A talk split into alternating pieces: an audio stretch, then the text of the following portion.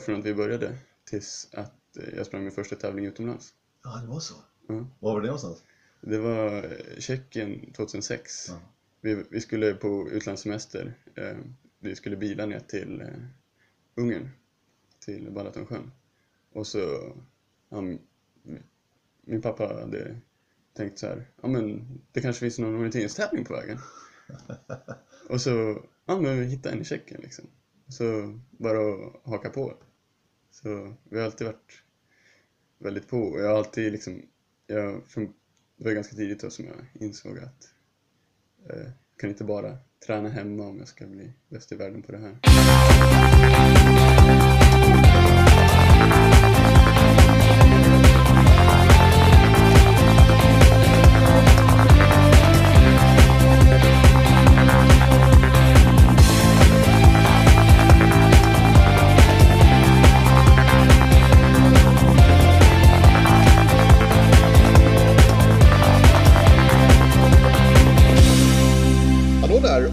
Välkomna till ett nytt avsnitt av Radio O-ringen Podcast som ni alltid kan höra av er till med kommentarer, synpunkter, drömgäster eller annat. Skriv då ett mejl till radio oringen.se. Det här är nummer 76 i ordningen och årets andra där jag, Per Forsberg, möter en av de största talangerna i svensk orientering. Simon Hector från Snättringe SK som till sommaren fyller 20 år och gör nu alltså sitt sista år som junior. Ett år som förhoppningsvis ska uppfylla drömmen om ett individuellt junior-VM-guld till sommaren i Finland och Tammerfors. Simon Hector har redan varit med på tre junior-VM och så här långt har det blivit ett JVM-guld i stafetten där i Bulgarien 2014 samt två silver och ett brons. Han är också en passande gäst här i Radio O-ringen Podcast eftersom han är en riktig återvinnare i O-ringen-sammanhang. Han har redan åtta totalsegrar i O-ringen. Den senaste tog han förra sommaren i Sälen i klassen H20 Elit. I podcasten berättar han om skoltiden i Sandviken, sina höga ambitioner för att hela tiden utvecklas för att på sikt bli bäst i världen.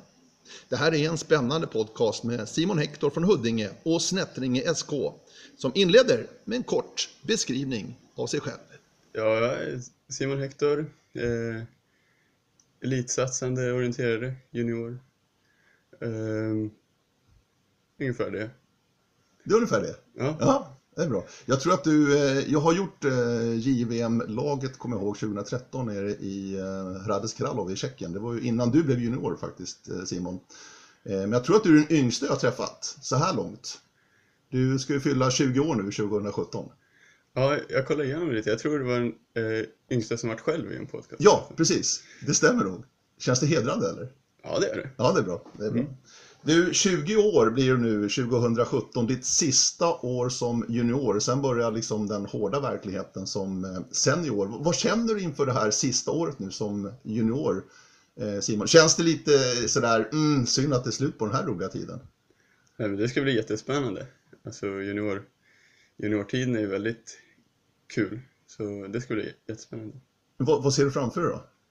Eh, jag ser framför mig en säsong där jag kan få ganska mycket erfarenheter eh, med eh, de här Swedish League-tävlingarna och eh, ja, framförallt JVM som blir det stora målet i sommar.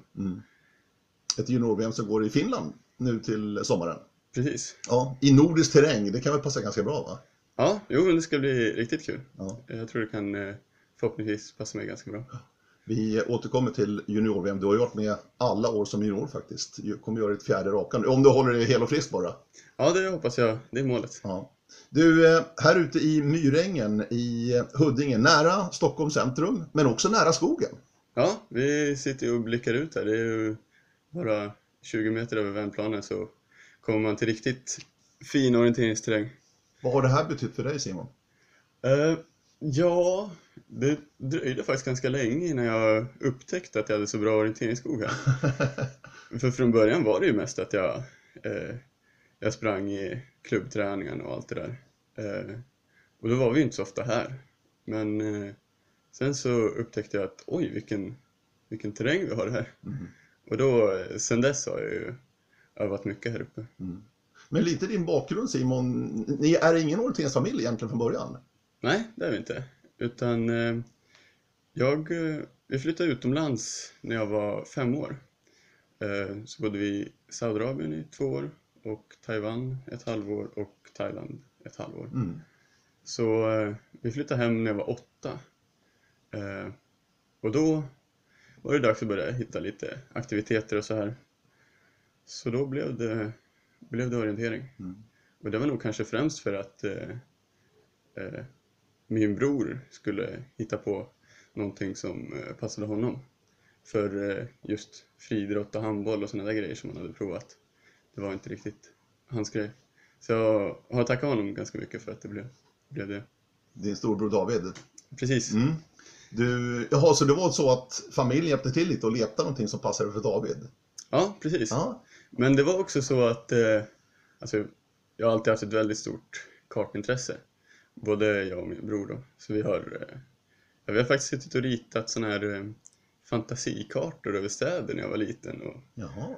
och sen så eh, satt vi alltid med mormor och kollade i världsatlasen. Vilket, vilket land är störst i världen? Och sådana där grejer. Så det, det har alltid varit väldigt mycket kartor även fast, fast orientering aldrig har varit en del förrän vi började med det då.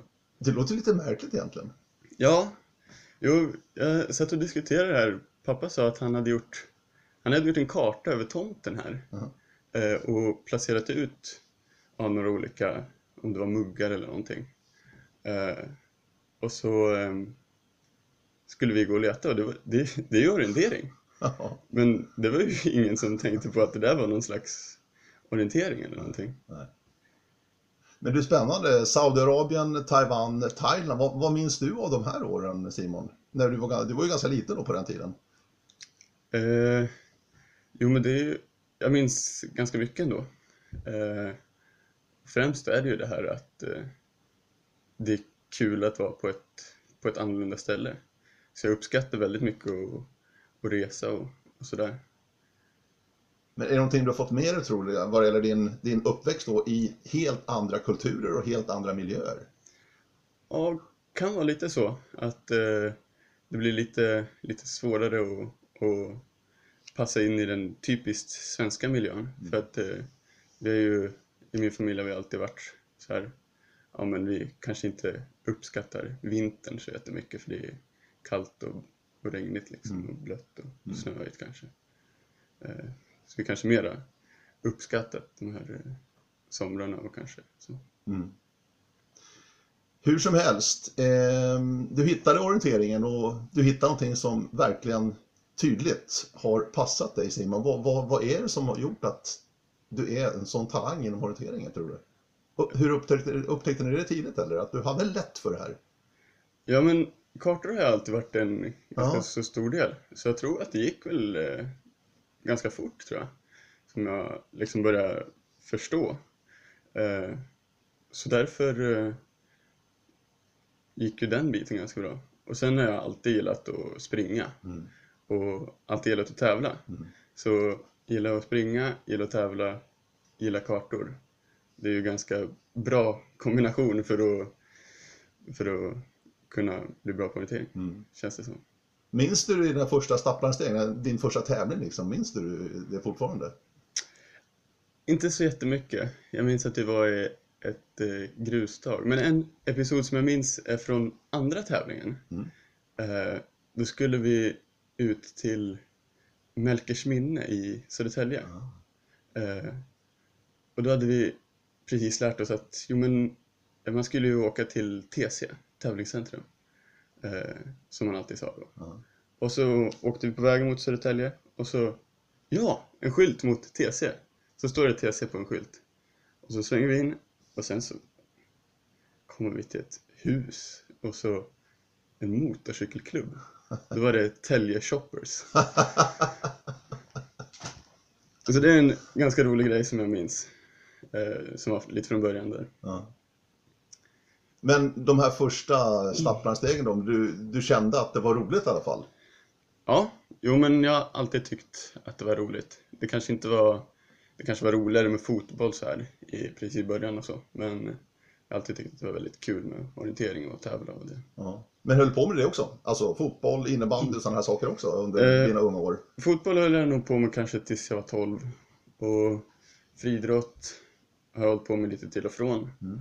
Eh, men egentligen ganska mycket tills jag flyttade till, till Sandviken på gymnasiet. Eh, men jag var ganska, inne ganska tidigt på att eh, friidrotten höll jag på med för att bli bättre på orientering. Okej. Så liksom, det var ganska tidigt som jag förstod att eh, jag ville bli riktigt bra inom orientering. Mm. Liksom. Mm. Jag kanske var 11-12 liksom bara. Var det då också du fick de första kvittona på att du började vinna tävlingar och sånt här? Nej, det kom väldigt fort. Det gjorde det va? Det var, jag var nio när jag vann min första tävling. Ja, det var det. Ungdomsserifinalen i Stockholm, det, det minns jag väldigt väl. Ja. Det var riktigt häftigt. Var det någonting du ville liksom återuppleva? Det, det, var, det var en känsla du hade, hade liksom sökt på något sätt? Jo men precis, alltså tävlingsmänniska så vill jag ju vinna liksom. Mm. Så då, då var det väldigt härligt att få vinna Mm. där första gången och sen så vill jag vinna igen nästa gång. Ja, jag förstår det. Och du har vunnit mycket genom åren Simon, alltså oerhört mycket tävlingar. Har, du koll på hur många alltså, rent tävlingar du har vunnit egentligen? Nej, nej det Nej. vet jag inte. Utan det är kanske mest de lite större tävlingarna. Ja. För det har det har gått bra för dig hela tiden. Ja, Du har inte haft några större motgångar i ditt liv så här långt rent idrottsligt? nej, utan det har gått, eh, gått bra liksom. Ja. Mm. Eh, jag träffade Caroline Olsson här eh, i den förra podden här eh, och eh, vi pratade lite grann om Stockholm som en miljö då för att bli en bra orienterare. På seniornivå är också en hel del stockholmare nu som bor här och eh, några av dem är till och med uppvuxna här i Stockholm. Du är också en Stockholmskille får jag ändå då säga, även om du har varit i Saudiarabien och Taiwan och Thailand också. Men vad säger du om miljön här i Stockholm till att bli en bra orienterare? Ja, det är en väldigt bra eh, miljö att växa upp i för att lära sig teknisk orientering. Liksom. Och jag tror att det är väldigt många klubbar här omkring som har väldigt stort fokus på att eh, liksom orienteringsteknik och sådär. Eh, så alltså jag, jag sprang ju på ja, de fullsvåra träningsbanorna som jag hade i klubben när jag var kanske 12-13 år. Eh, och, och det är ju rätt utmanande terräng här. Mm. Så det är väldigt, eh, väldigt bra på det sättet. Sen det som man ofta kanske saknar lite i de här lite mindre klubbarna, eh, det är ju också att få med, få med löpningen. Eh, och därför är det väldigt bra för mig att till exempel haft friidrotten då. Så att jag liksom utvecklat den biten där och så kommit till orienteringsträningarna och så få utveckla kartläsningsbiten då, Mm. tekniska. För här ute i Myrängen då, i Huddinge, det är ju de södra delarna av eh, stan. Mm. Eh, ute på Södertörn, väldigt mycket och framförallt så är det ganska nära så att säga för att komma runt här också i Stockholmstrakten. Det är ju ett ganska litet område, kompakt. Mm. Jo, man, eh, Om man jämför då till exempel Västerbotten där det är långa avstånd så att säga, mellan grejerna. Men här är det väldigt, väldigt kompakt och nära. ja, om det är en, eh, en tävling så är det ju sällan mer än ja, 30-45 minuter att åka. Ja, ja, Om det är en Stockholmstävling. ja. Du eh, tog studenten då förra året i Sandviken. Eh, Sandviken, orienteringsgymnasiet, var det ett givet val för dig att ta dig dit för att fortsätta utvecklas? Nej, det var det absolut inte. Eh, Men jag tror jag var ganska tidigt inne på att jag skulle gå orienteringsgymnasium. Eh, Även om inte det var givet heller. Men det kändes som att eh, liksom orienteringen var så pass stor del att jag ville satsa på det. Eh, Och sen var det bara frågan om var och då eh, jämförde vi för och nackdelar och sådär. Och det kändes som att Sandviken skulle bli ett väldigt bra val. Och det tycker jag att det blev. Mm. Vad, vad var alternativen annars att säga? Om du inte liksom skulle välja ett idrottsgymnasium överhuvudtaget, skulle du gå här hemma då och någon, någon utbildning? Ja, det, det var ju ett alternativ att, att gå eh, något annat gymnasium här i närheten och bo kvar i Stockholm. Men jag tror jag rattade det ganska tidigt Mm. för att jag ville eh, satsa på orienteringen då. Jag trodde jag hade bra möjlighet att göra det i, i Sandviken. Vad, vad, har varit, vad var det bästa med de här åren i Sandviken? Sett nu i backspegeln när du har tagit studenten och allting. Mm, att jag har lärt mig väldigt mycket.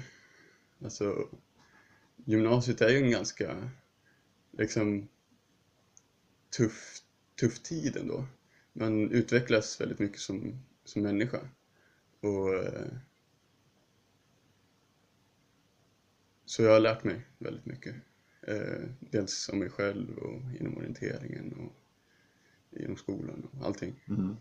Det här med träningen, eh, har du blivit mer strukturerad också? Har du lärt dig på det planet också genom de här åren i Sandviken? Eh, jag tror faktiskt att jag hade en hyfsat bra plan redan innan, utan att jag visste det. Mm. Men det var ju för att eh, det var ju alltid friidrottsträning på måndagar, orienteringsträning på tisdagar och torsdagar och så vidare. Eh, så det, det vart liksom en naturlig plan redan då. Mm. Även om jag inte hade liksom skrivit upp det eh, när jag bodde hemma. Eh, men sen så vart det ju mer liksom att man visste vad man gjorde och visste varför man gjorde det. Och det har jag lärt mig väldigt mycket i Sandviken. Då. Mm.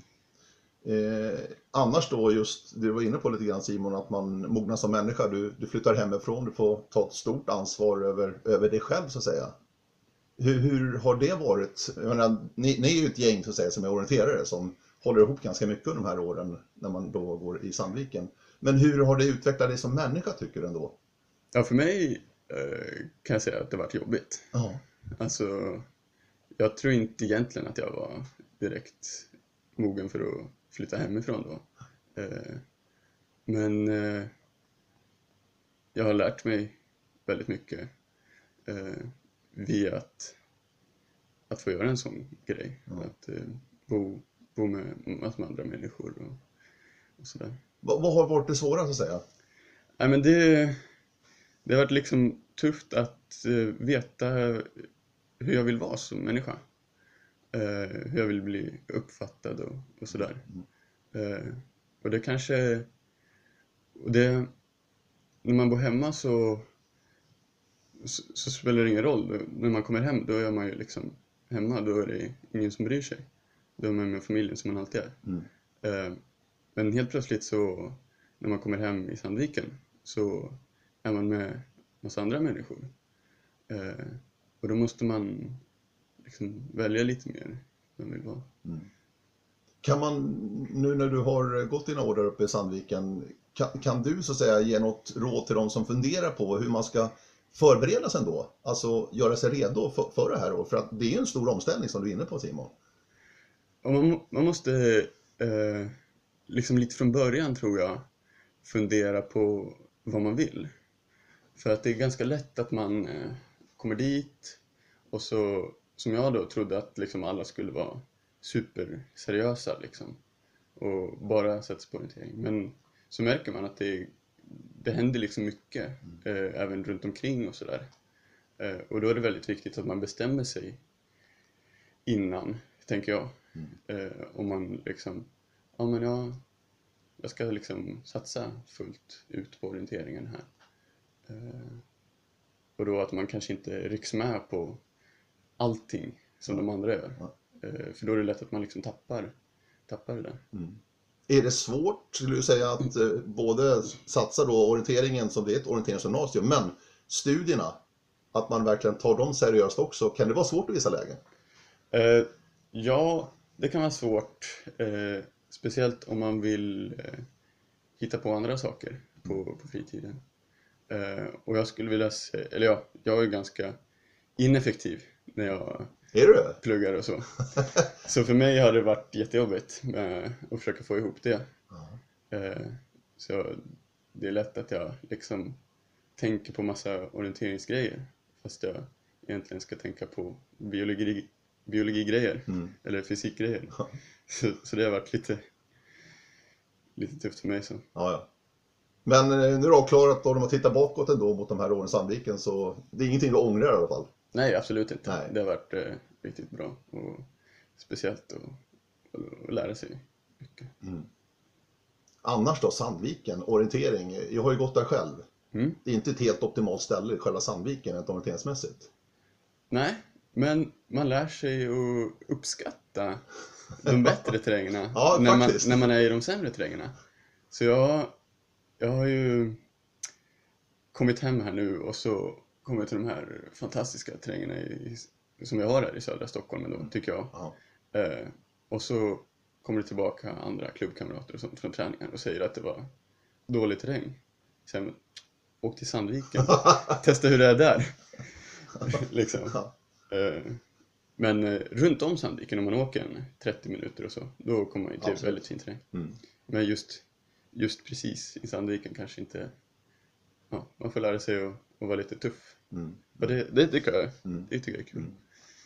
Eh, vad har du lärt och tagit med dig då från den träning och det upplägg ni har där i Sandviken? Du sa att du hade en ganska bra plan som du insåg. Men vad har du tagit med dig nu inför fortsättningen? Så att säga? Sista året nu som junior, sen blir du senior Simon. Så att nu gäller det att man har koll på träningen här verkligen och, och har en plan. Har du det? Mm. Ja, just nu så känns det som att jag har en eh, ganska bra, bra plan för hur det ska gå till här i vinter. Eh, så, eh, ja, lite övergripligt sådär. Mm. Men sen gäller det att detaljplanera liksom, vecka för, för vecka hur det ska, ska se ut. Men du har en detaljerad veckoplanering så att säga när du väl kommer in i veckan? Ja, inte alltid, men eh, ganska ofta.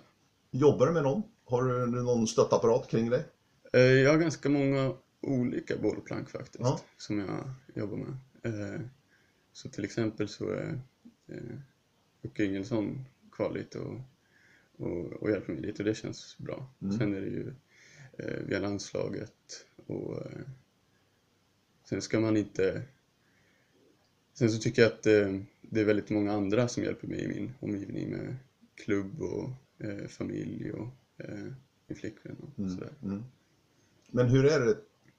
Trappar du upp liksom år efter år? Kan du se det när du analyserar din, din träning? Ja, det, det har varit ganska eh, svårt för att eh, om man inte kör någonting extra i Sandviken, eller om man bara är med på, Ja. på de träningarna som är där, eh, då är det, då var det inte egentligen, det var kanske egentligen nästan lite mindre än vad jag körde när jag bodde hemma. Så då första året på Sandviken, då körde jag ju i princip bara det som, som eh, som vi hade i, med, med skolan då. Eh, och då blev det ju egentligen nästan lite mindre träning. Eh, men sen så lärde jag mig att eh, ja, man kanske ska lägga till ett pass där och så eh, ja men helt plötsligt så blev det ju eh, ja, lite mer. Mm. Men, men att man ser till att man har en, en planering så. För att det, jag gick nästan ner då lite i träningsmängd och sen så kom jag tillbaka. Så nu ligger jag väl kanske på en, en 9-10 timmar i veckan. Mm. Och det är planen att, att stegra det. Mm. Eh, med, man brukar ju säga ungefär 10% per år. Mm. Eh, en sån sak som jag fick lära mig. Mm. Just det. Och det alltså, hur är det under dina de här åren, om vi tittar på juniorrollen för sådana skador och sånt där, hur, hur har du eh, drabbats av det? Du har varit ganska skonsamt va? Eh, ja, 2014 på, på hösten där, eh, då var det ju som jag fick lite problem med mitt knä för första gången. Eh, mitt högra knä. Eh, och det var egentligen inte alls något konstigt för jag hade liksom kört en, en tuff träningshelg med landslaget i Borås och sen så veckan efter så körde jag och en kompis en sån här road gaining i, i Stockholm som var sex timmar. Eh, och sen så veckan efter så körde jag en nattcup liksom, redan på onsdagen. Det var inte konstigt att det, att det blev någonting. Men det är ju en sån sak också som, som jag lärde mig där under Sandviken att eh, ja men liksom man kan inte haka på allting. För att eh, ja men som, som ungdom kanske man klarar och eh, ja men ska du med på det här? Ja men det kan jag. Liksom. För man ligger inte på, på den träningsmängden liksom. Men sen eh, om man ska göra en sån där sex timmars rowgaining till exempel, då måste man ju vara rejält tränad för det. Ja. Och jag var ju inte tränad för att springa sex timmar liksom. Nej, Det Och sen förra våren, 2016, hade du också lite stök med skador och även sjukdomar faktiskt. Det var, det var, du hade en jobbig vård där förra året. Ja men precis, det här med knät, eh, det har liksom legat kvar lite hela tiden. Ja. Eh, Så jag har haft svårt att liksom bli av med det helt. Eh, Och det beror ju på att det är någonting som är, som är lite snett i, löpsteget eller så. Då gäller det bara att försöka hitta vad det är för någonting. Mm. Men nu känns det som att jag har kommit eh, reda på några av ledtrådarna och varför jag får ont. Eh, som jag kan jobba på nu och, och stärka då. Eh, men det har tagit ganska lång tid. Mm. Eh, det är inte liksom att om man går till en sjukgymnast och så säger de direkt att det är det. Eh, utan det tar lite tid att lista ut varför ibland. Men vad, vad är det då som är orsaken? Är, är det just ditt löpstil lite grann du måste korrigera eller? Ja, och precis. Det är vissa grejer som är lite för, för svaga eh, och då är det nog eh, speciellt eh, sätet då. Och det är ju ganska lätt att man, ja men som orienterare, man springer kanske mest med framsida lår när man springer i terräng. Mm. Och så springer man på väg, då kanske man fortfarande springer mest med framsida lår. Och då är det lätt att man inte får med sig de andra musklerna. Och då är det någonting som får ta väldigt mycket belastning. Och i mitt fall var det knät då, så fick jag ont i knät. Men nu- är det okej? Ja, nu är det helt okej. Ja, skönt. Så nu hoppas jag inte det ska bli några problem. Nej. På tal om träning Simon, tycker du om att träna? Ja, jo men det är jag. Du har liksom inget, tycker inte jobbet på något sätt utan det, det, det är kul. Du, du finner något skäl till att varför, varför du gör det här. Ja, det är väl klart det är eh, tufft och, och jobbigt liksom, ibland. Men eh, jag har ju alltid en anledning varför jag gör det. Så det känns liksom ändå inspirerande. Mm. Även om man skulle ge sig ut i tre grader och regn liksom. Mm. Så finns det ju en anledning till att jag gör det. Eh, Efter studenten och Sandviken då, förra våren 2016 så fortsatt, du har inte fortsatt att plugga. Nej, Du, eh, hur tänkte du där? Så att säga, vad, vad du skulle göra då efter studenten i Sandviken Simon? För att nu är du hemma här i Myrängen i Huddinge och vad, vad gör du då? Eh, Jag kände ganska, ganska direkt att eh, nej men jag vill inte plugga just nu. Nej. Utan det var tillräckligt tufft liksom i, i Sandviken för att jag kände att men nu vill jag liksom prova någonting annat. Så just nu har jag, i höst har jag jobbat lite till och från eh, och eh, ritat lite karta också dessutom. Mm. Eh, Men det ligger på, ja, kanske inte mer än 50 procent liksom. Nej. Så jag har tid att träna och analysera och allt det där. Mm. Sen så har jag märkt att i, i Stockholm också så tar det lite mer tid att transportera sig Säger du det? än i Sandviken. Ja. Så då, då, då lägger man ju mer tid på det. Ja, liksom. ja. ja verkligen. Ja, det, det är en faktor här i Stockholm. absolut. Det är ju det är inte så att man sätter sig på cykeln så man på, på skolan, på, eller träningen då, på Mm. fem minuter. Nej, nej. Men du, jag tänker så här också, omställningen då från Sandviken där en hel del, mycket var serverat. Jocke Mm. Ingesson och instruktörerna fixade ju banor, övningar, Ja, tänkte precis, på event. väldigt- Och så kommer du nu, nu har du ingenting sånt. Eller ingenting sånt säga, men det, är- det är en annan, eh, eh, eh, ett annat läge nu för dig i alla fall Simon. Och ta hand om dig själv lite mer. Absolut, det är ett helt annat läge. Men det känns ganska kul ändå. Ja, och, och få prova det. För om man, om man har allting serverat hela tiden, då, då blir det lätt att man kanske bara, bara gör det som är serverat. Mm. Eller vad man ska säga. Som, där det första året i Sandviken då, till Mm. exempel. Eh, men nu har jag ju möjlighet att plocka lite här och där. Som i, i Stockholm finns det ju liksom oändligt mycket träningsmöjligheter nästan. Ja. Det, ju, det finns ju eh, små träningsevenemang och sånt där.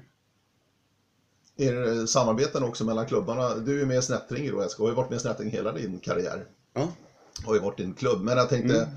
Tullinge är inte så långt bort, Haninge, Södertörn på andra sidan, Söder också. Är det något samarbete i klubbarna här så att ni kan åka på varandras träningar? ja jo, men vi har ganska bra samarbete skulle jag vilja säga. Eh, några stycken klubbar i alla fall. Eh, och det är ju till exempel att eh, på sommaren så är det ja, kanske fyra, fem klubbar som har en, en träning på en tisdag och så är det fyra, fem klubbar som har samma träning på, Mm. på torsdagen. Eh, och det är, det är ju väldigt, väldigt bra man kan utnyttja sådär. För det är ju inte så här jättelångt mellan klubbarna. Eh, och så nu på vintern så har vi också lite träningssamarbete så det är, det är inte bara att jag tränar med Snättringen. Liksom. Men du tar ju saken i egna händer också. Jag, jag följer ju Thierry Chouchou ganska väl och hans loggar, han loggar på Attack Point där. Det är väldigt intressant. Och du hade bjudit hit honom någon gång läste jag. Ja, ja men det var riktigt kul att han kom hit och ville springa. Ja, men sådana grejer tycker jag är väldigt bra, att man kan liksom ja, bjuda hit någon kompis eller åka till någon kompis och, Ja. och så jag var nere i Borås till exempel hos en kompis i, i eh, oktober. Det var väldigt kul. Ja. Vad, vad, och Thierry då, vad, vad, tog du tillfället i akt och prata med honom? Och, för att det är ändå världens bästa orienterare genom alla tider. Absolut, det är eh, min största orienteringsidol. Ja, jag Så- förstår det. Ja. Så det var väldigt häftigt att eh, liksom höra lite hur han tänker och, och sådär. Jag, tyck, jag tror överlag så, så försöker jag ta till mig så mycket som möjligt från eh, eh, olika idrottare. Så liksom, till exempel lyssna på de här Radio O-ringen podcast Mm. och, och höra vad de här elitlöparna har att säga. Mm. Så liksom, ja, men kanske ta till sig någon liten grej här och där. För eh, Thierry, då, om vi stannar där, eh, så är han väldigt spännande i och med att han har ju verkligen utvecklat och tagit liksom orientering ett steg till. Framförallt vad det gäller själva tek- det tekniska tycker jag. Där han verkligen har hittat en modell som, det var det han slog igenom egentligen alltså. Han hittade en, en, en generaliseringsmodell egentligen på de här detaljerade kartorna som det är, som det är nu för tiden. Är, är det sånt här du är nyfiken på också, liksom, hur, hur han har agerat och hur han har jobbat? Ja, väldigt mycket. Att jag liksom försöker... Vi, tränade eh, ett pass i, i skogen och försökte jag kolla lite, se hur han agerade Mm. och, och sådär. Så det är mycket sånt jag försöker ta till mig till vad, hur andra gör. För man, man blir aldrig färdig liksom. Nej, Det finns inte hela tiden någonting.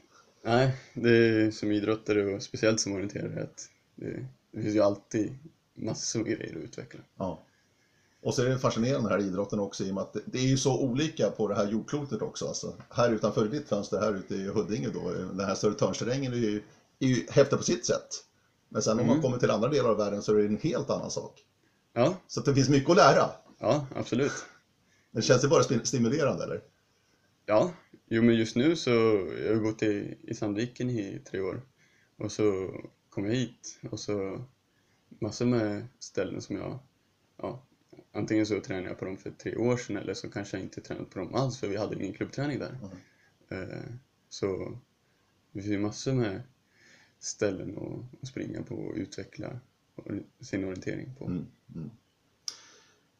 Vi var inne på det tidigare, det här är ditt sista år som junior nu Simon. Du är född 1997 och fyller 20 i sommar då. Eh, Du har varit med i alla tre JVM som du har fått vara med. 17, 18 och 19-åring och nu som 20-åring då det sista JVMet. Vad, vad, vad minns du av det? Du har ännu inget individuellt JVM-guld. Det är väl det, är väl det du suktar efter, eller? Ja, lite så. Ja. Det, det är väl kanske liksom målet just nu, men sen så eh, framåt säsongen så kommer det övergå lite mer av ett prestationsmål. Eh, men just nu är det väl det lite, lite moroten att träna, träna efter och så. Mm. För att du har ju varit med, det är ju bra drag och bra skjuts i svensk juniororientering har det varit de här åren du har varit med nu verkligen med fantastiska framgångar. Du har ju varit med Anton Johansson, eh, Sara Hagström eh, och den här eran. Eh, lite i kölvattnet på dem så att säga. Vad, vad har du liksom fått med dig av de här junior Jag menar, rutin är ju också en sak i orientering. Du kommer göra ditt fjärde junior nu till sommaren. Känn, Du känner dig trygg liksom i vad som väntar och de här bitarna? Jo, jo men det är som sagt, rutin är ju viktigt inom orientering. Och därför tycker jag att det är väldigt bra att man har en sån grej som Swedish League till exempel. Att man kan eh, få liksom eh, högkvalitativa tävlingar hela våren. Eh, så egentligen, även om man inte känner sig sugen på att åka landet runt varje helg så får man liksom väldigt mycket erfarenheter av de här grejerna och SM också. Och att det är bra konkurrens varje gång. Eh, och sen så från JVM då, det var ju liksom ännu ett steg till för mig från de här Swedish League-tävlingarna. Så första JVM var ju ganska speciellt och häftigt sådär. I Bulgarien. Ja, Var ett nytt ställe att springa orientering på för dig eller? ja vi var ju där på läger Ja. ett år innan eh, och sen så, ja men det var speciellt. Men jag tror att det var ganska tidigt som, som eh, jag började spring, liksom inse att det är viktigt att springa i olika terränger. Eh, Så, och vi var ju väldigt, min familj liksom var ju väldigt på redan från början. Så eh, det dröjde ett år från att vi började tills att jag sprang min första tävling utomlands. Ja, det var så. Ja. Var var det någonstans? Det var Tjeckien 2006. Ja. Vi, vi skulle på utlandssemester. Vi skulle bila ner till Ungern, till Balatonsjön. Och så, m- min pappa hade tänkt så här, ja men det kanske finns någon orienteringstävling på vägen. Och så, ja men vi hittade en i Tjeckien liksom. Så bara att haka på. Så vi har alltid varit väldigt på och jag har alltid liksom, jag, det var ganska tidigt då som jag insåg att eh, kan inte bara träna hemma om jag ska bli bäst i världen på det här. Ja. Men då var du nio år bara, Precis. den där Ja, första utlandstävlingen. ja det var ganska eh, svårt. var det. Vann du där nere också eller? Nej, det gjorde jag inte. Nej, det gjorde inte det. Nej. Nej. Ehm, 2014, ja precis, i eh, junior-VM då i eh, Bulgarien. Men det blev ju en väldigt bra vecka ändå, Ja, i slutändan. ja, jo men liksom lärde mig väldigt mycket och sen så eh, var det ändå liksom skönt att få till det och vara, eh, jag tror jag var tredje bästa svensk på både sprint och lång. Och så var jag nog tvåa på medel av svenskarna då. Mm. Eh, Så då känns det ändå liksom väldigt skönt att förtjäna platsen i stafettlaget. Eh, Och så var det, gjorde jag en väldigt bra sträcka och Assar hade gjort en bra sträcka före mig. Sen hade vi liksom Anton Johansson på sista sträckan så det, det kändes nästan, nästan lite lugnt. Ja, jag För förstår att det. eh, han var så duktig och så tog vi guldet. Det var väldigt, väldigt speciellt och kul. Men det var så fantastiskt som förstaårsjunioren då, var med i ett guldlag redan första svängen. Ja, det var oerhört häftigt skulle jag säga. Vad betyder sånt där? Alltså vad, vad tar du med dig? Ja, Stärks du ytterligare liksom? Alltså du vet att du är bra, Simon, du har ju alltid vetat, men stärks man ytterligare av sånt där? ja Även du? jo, men eh, varje, varje framgång ger ju lite extra självförtroende. Så, så absolut. Ja. Och verkligen liksom få, få göra ett, ett riktigt bra lopp och eh, sen att de andra gjorde det också. Så, mm. Det, Det, det enda minuset med det där JVMet, eh, och du kanske håller med mig om, vi ska återkomma till det, men det var ju att det gick samma vecka som O-ringen, så att du kunde inte springa O-ringen det där året. nej, det var tråkigt. Ja, det tycker vi också. Ja. Ja, nej, vi ska återkomma till O-ringen för att det är en fantastisk story med Simon och O-ringen. Eh, eh, tätt sammankopplat verkligen. Rauland och Norge var ju ditt andra given då som 18-åring. Mm. I en, jag ska inte säga bekant terräng för att det är lite speciellt där i Norge också, men ändå i Norden var det i alla fall. Så att lite mer hemtamt. Vad kände du inför det när du åkte till Norge? Ja, Jag hade ju inte reflekterat över att det skulle vara så här någon fördel för mig för att jag var från Norden. För jag tyckte det var så pass annorlunda Mm. terräng. Eh, men om man då ser till hur mycket eh, mer annorlunda det var för till exempel schweizarna och så, så, så förstår jag nu i efterhand att ja, men det kanske ändå var lite mer fördel för de som kom från nordiska länderna. Eh, och jag tror att sånt kan ju betyda en del i, i speciellt juniororientering när man inte har så mycket erfarenheter. Det, där var du ju nära ändå att ta guld, men din eh, polare då, uppe i Rovaniemi, också född 1997, Olli Ojanau, han blev ju kung där i Rauland verkligen. Ni har ju tampats genom åren, eh, O-ringen några gånger, i och med att ni är års, årsgamla då också. Eh, vad har det betytt, den här liksom lilla fighten mellan Olli och dig Simon? Eh, Första gången jag sprang mot honom var ju i eh, O-ringen 2011. Eh, och det var väl, då insåg jag väl liksom att eh, någon var på min nivå liksom. Ja. Om man ska Då var ni 14. vara lite kaxig. Ja, just det. Ja, men jag förstår Ja. vad du menar. Absolut. Ja. Ja. Jo men att eh, det är liksom, ja men, få se till att jobba liksom. Ja. Eh, Så det var bra för dig? ja, det tror jag. Och sen så, sen så lyckades jag vinna den det O-ringen ändå. Eh, med ganska liten marginal. Eh, men sen när jag var 16 då, i Boden 2013, 13, eh, så slog han ju mig ganska rejält. Mm. Och det var liksom där någonstans som jag kanske började förstå att, eh, att jag liksom ja, har ganska mycket att utveckla ändå. Eh, för det är ju kanske lite lätt att gå i den fällan och, och tro att man är bäst liksom. Ja, Mm. Jo, men det- Speciellt det om går man för lätt vinner alla liksom för mycket då. ja jag förstår, det. jag förstår det Mm. alltså. Så att det, det har liksom varit en verkligen sporre för dig? Ja, ja. Jo, nu de, de senaste åren, sedan 2013 då, då är det ju mycket att liksom, men, försöka, försöka komma ikapp liksom. Mm. Och det, det, målet för mig är ju alltid att vara bäst liksom. Ja. Så, eh, och försöka, då måste man ju vara, vara bättre än alla andra liksom. Hur är det vid sidan av då? Pratas ni vid eller? Ja, det, det gör vi. Mm. Eh, han är trevlig och nu pratar han bra svenska också. Ja, absolut. Är kul. Ja, det är riktigt roligt faktiskt. Får se var han landar någonstans framöver också. Eh, Mm. Olli Ojanao alltså. Uppifrån Rovaniemi. Eh, som sagt, du var nära ett individuellt guld där ändå i eh, Norge. Ja men det var riktigt häftigt att, att ta silver alltså. Ja. Det var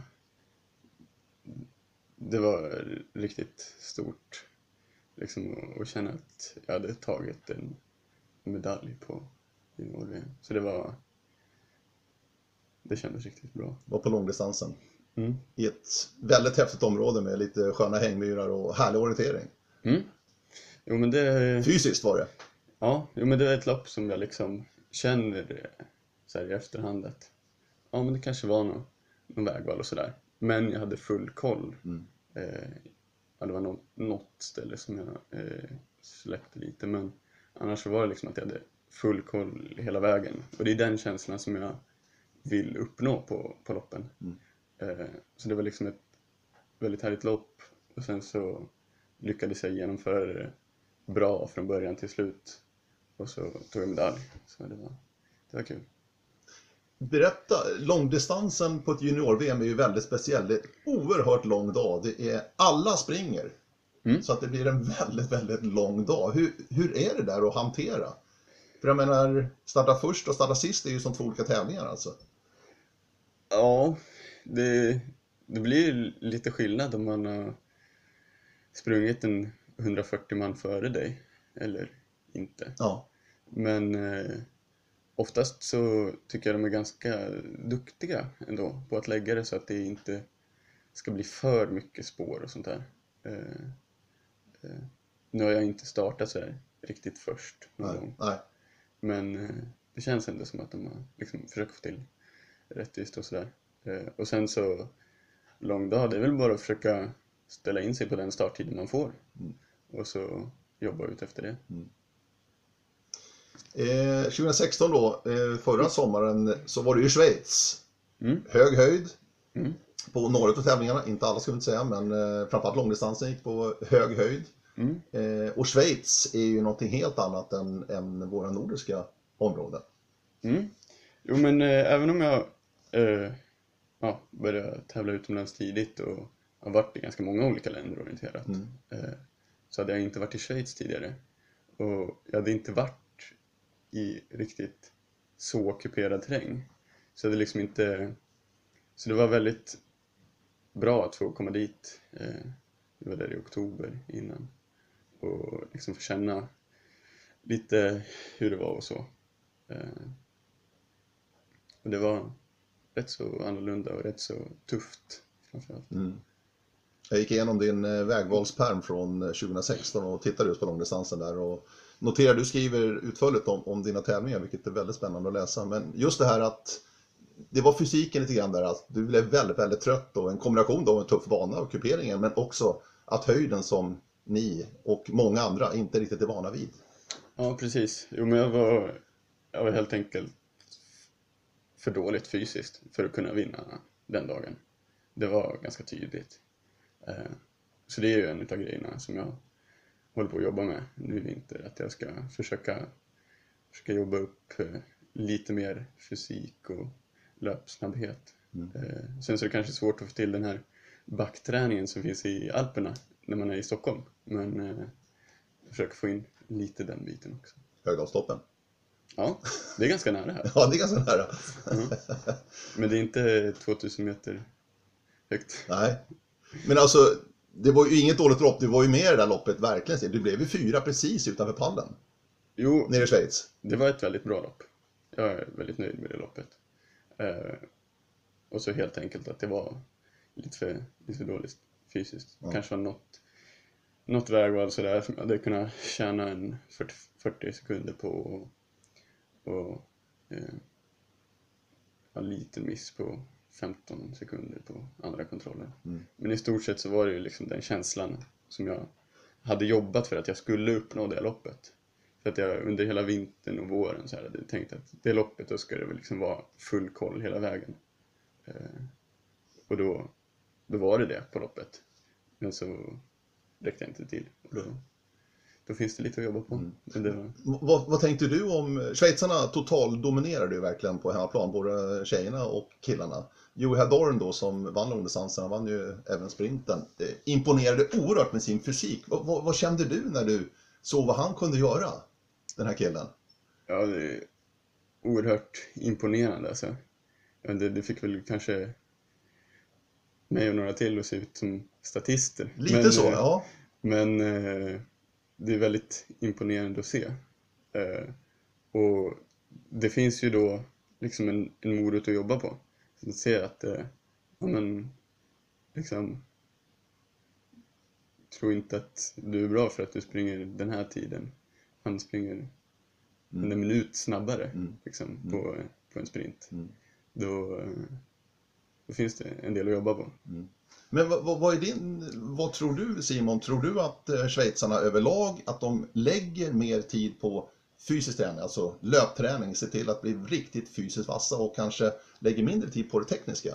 Tror du det är förklaringen eller? Eh, lite så. Jag såg en, eh, något så gymnasiearbete eller så som eh, en kille som jag känner från Schweiz hade gjort. Eh, och då var det ungefär lika mycket tid som svenskar lägger i skogen på orientering, löpträning i skog. Eh, lägger de på hårt underlag. Eh, och det kanske var en 60% eller så. Eh, Medan vi kanske lägger en 20% på hårt underlag och de lägger en 20% på orientering eller skog. Mm. Eh, och då är det inte så konstigt att de blir liksom kanske lite vassare på hårt underlag och det var ju speciellt som, som juniorer då.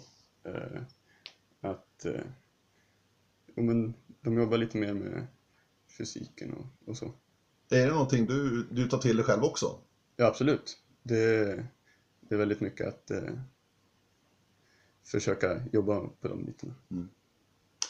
Som sagt var, nu är det sista året då som junior och Finland och junior-VM i eh, ja, början mitten på juli månad, innan O-ringen Mm.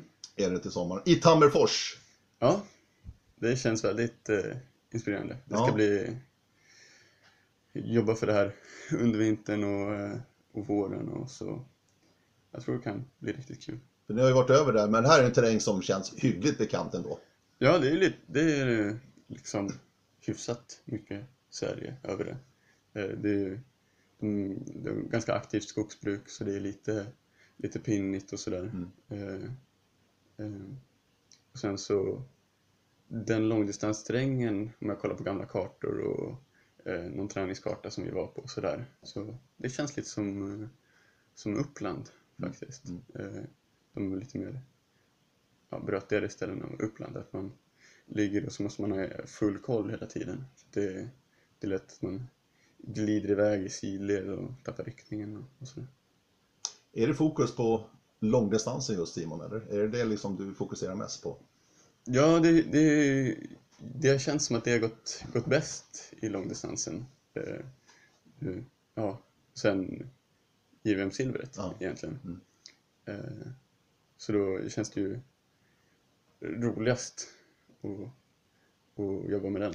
Men sen så försöker jag eh, jobba ganska mycket med medeldistanstekniken också. Och sen eh, få in en del sprint när det passar liksom. Mm. Även om kanske sprint inte är det största målet just nu. Nej. Det kan bli. Kan bli. Kan bli. Vi, vi får se. Man vet aldrig. Man vet aldrig. Mm. Intressant det där med medeldistansen. Eh, Som sagt, jag kollade igenom dina, din kartperm där och notera lite frustration att du inte fick ihop det just medeldistansmässigt eh, under eh, 2016 då. Det är det jag tittar på. Eh, Lite frustrerad sådär. Och så slog du till och tog eh, medeldistansguldet på SM nere i Blekinge. Det, och det kändes att, åh, det där var skönt. Ja, det var väldigt viktigt personligt för mig. Ja, Att eh, liksom känna att jag kunde få till ett så bra lopp eh, på en så viktig tävling. Eh, och orientering handlar ju väldigt mycket om självförtroende. Och eh, som det här att man, man känner att man har full koll liksom och, och kan springa fort. Liksom. Mm.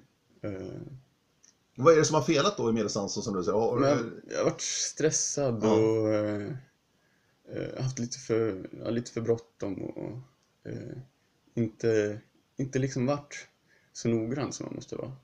Och det är, det är ju det där som jag har känt att det har varit så himla kul med långdistans. Att eh, det är liksom tid och verkligen Mm. ja, mikrovägval ska, ska gå eh, vänster om den här höjden som kommer om eh, 300 meter. Och så har man liksom tid på sig att bestämma och så ser man till att man prickar exakt rätt passage och, och sådär. Ja, det, det är häftigt. Men har, har du gått den här klassiska fällan att du tror att du måste springa lite snabbare också när det blir lite kortare? Mm, Ja, det, det har jag. Det är ganska lätt att man, eh, att man hamnar där. Eller i alla fall för mig. Ja. Jag, liksom, ja, men nu har jag, nu har jag lite bråttom. Och även på sprint också. Att jag liksom, ja, men, maxar från start. Och då, det, att bli trött, då blir man ju också ja, lätt att man blir lite dummare, Mm. eller vad man ska säga. Mm. Att man inte orkar eh, ta sig tid i kartläsningen också. Du, eh, du har ju inte koll på hur många tävlingar du har vunnit i din karriär, men däremot O-ringen har du bra koll på. Ja, Väldigt bra koll. ja. Berätta, hur ser det ut? Vad är saldo just nu? Åtta O-ringens segrar. Totalt ja. Mm. Ja. Just etappsegrar vet jag inte. Jag tror det ligger någonstans runt 20-25. ja. Tror jag. Men åtta totalsegrar har du. Mm. Vilket år var den första totalsegern? Det var eh, 2007. Det Som var, tioåring? det var första året jag var med. Vad första året? Ja. Jaha.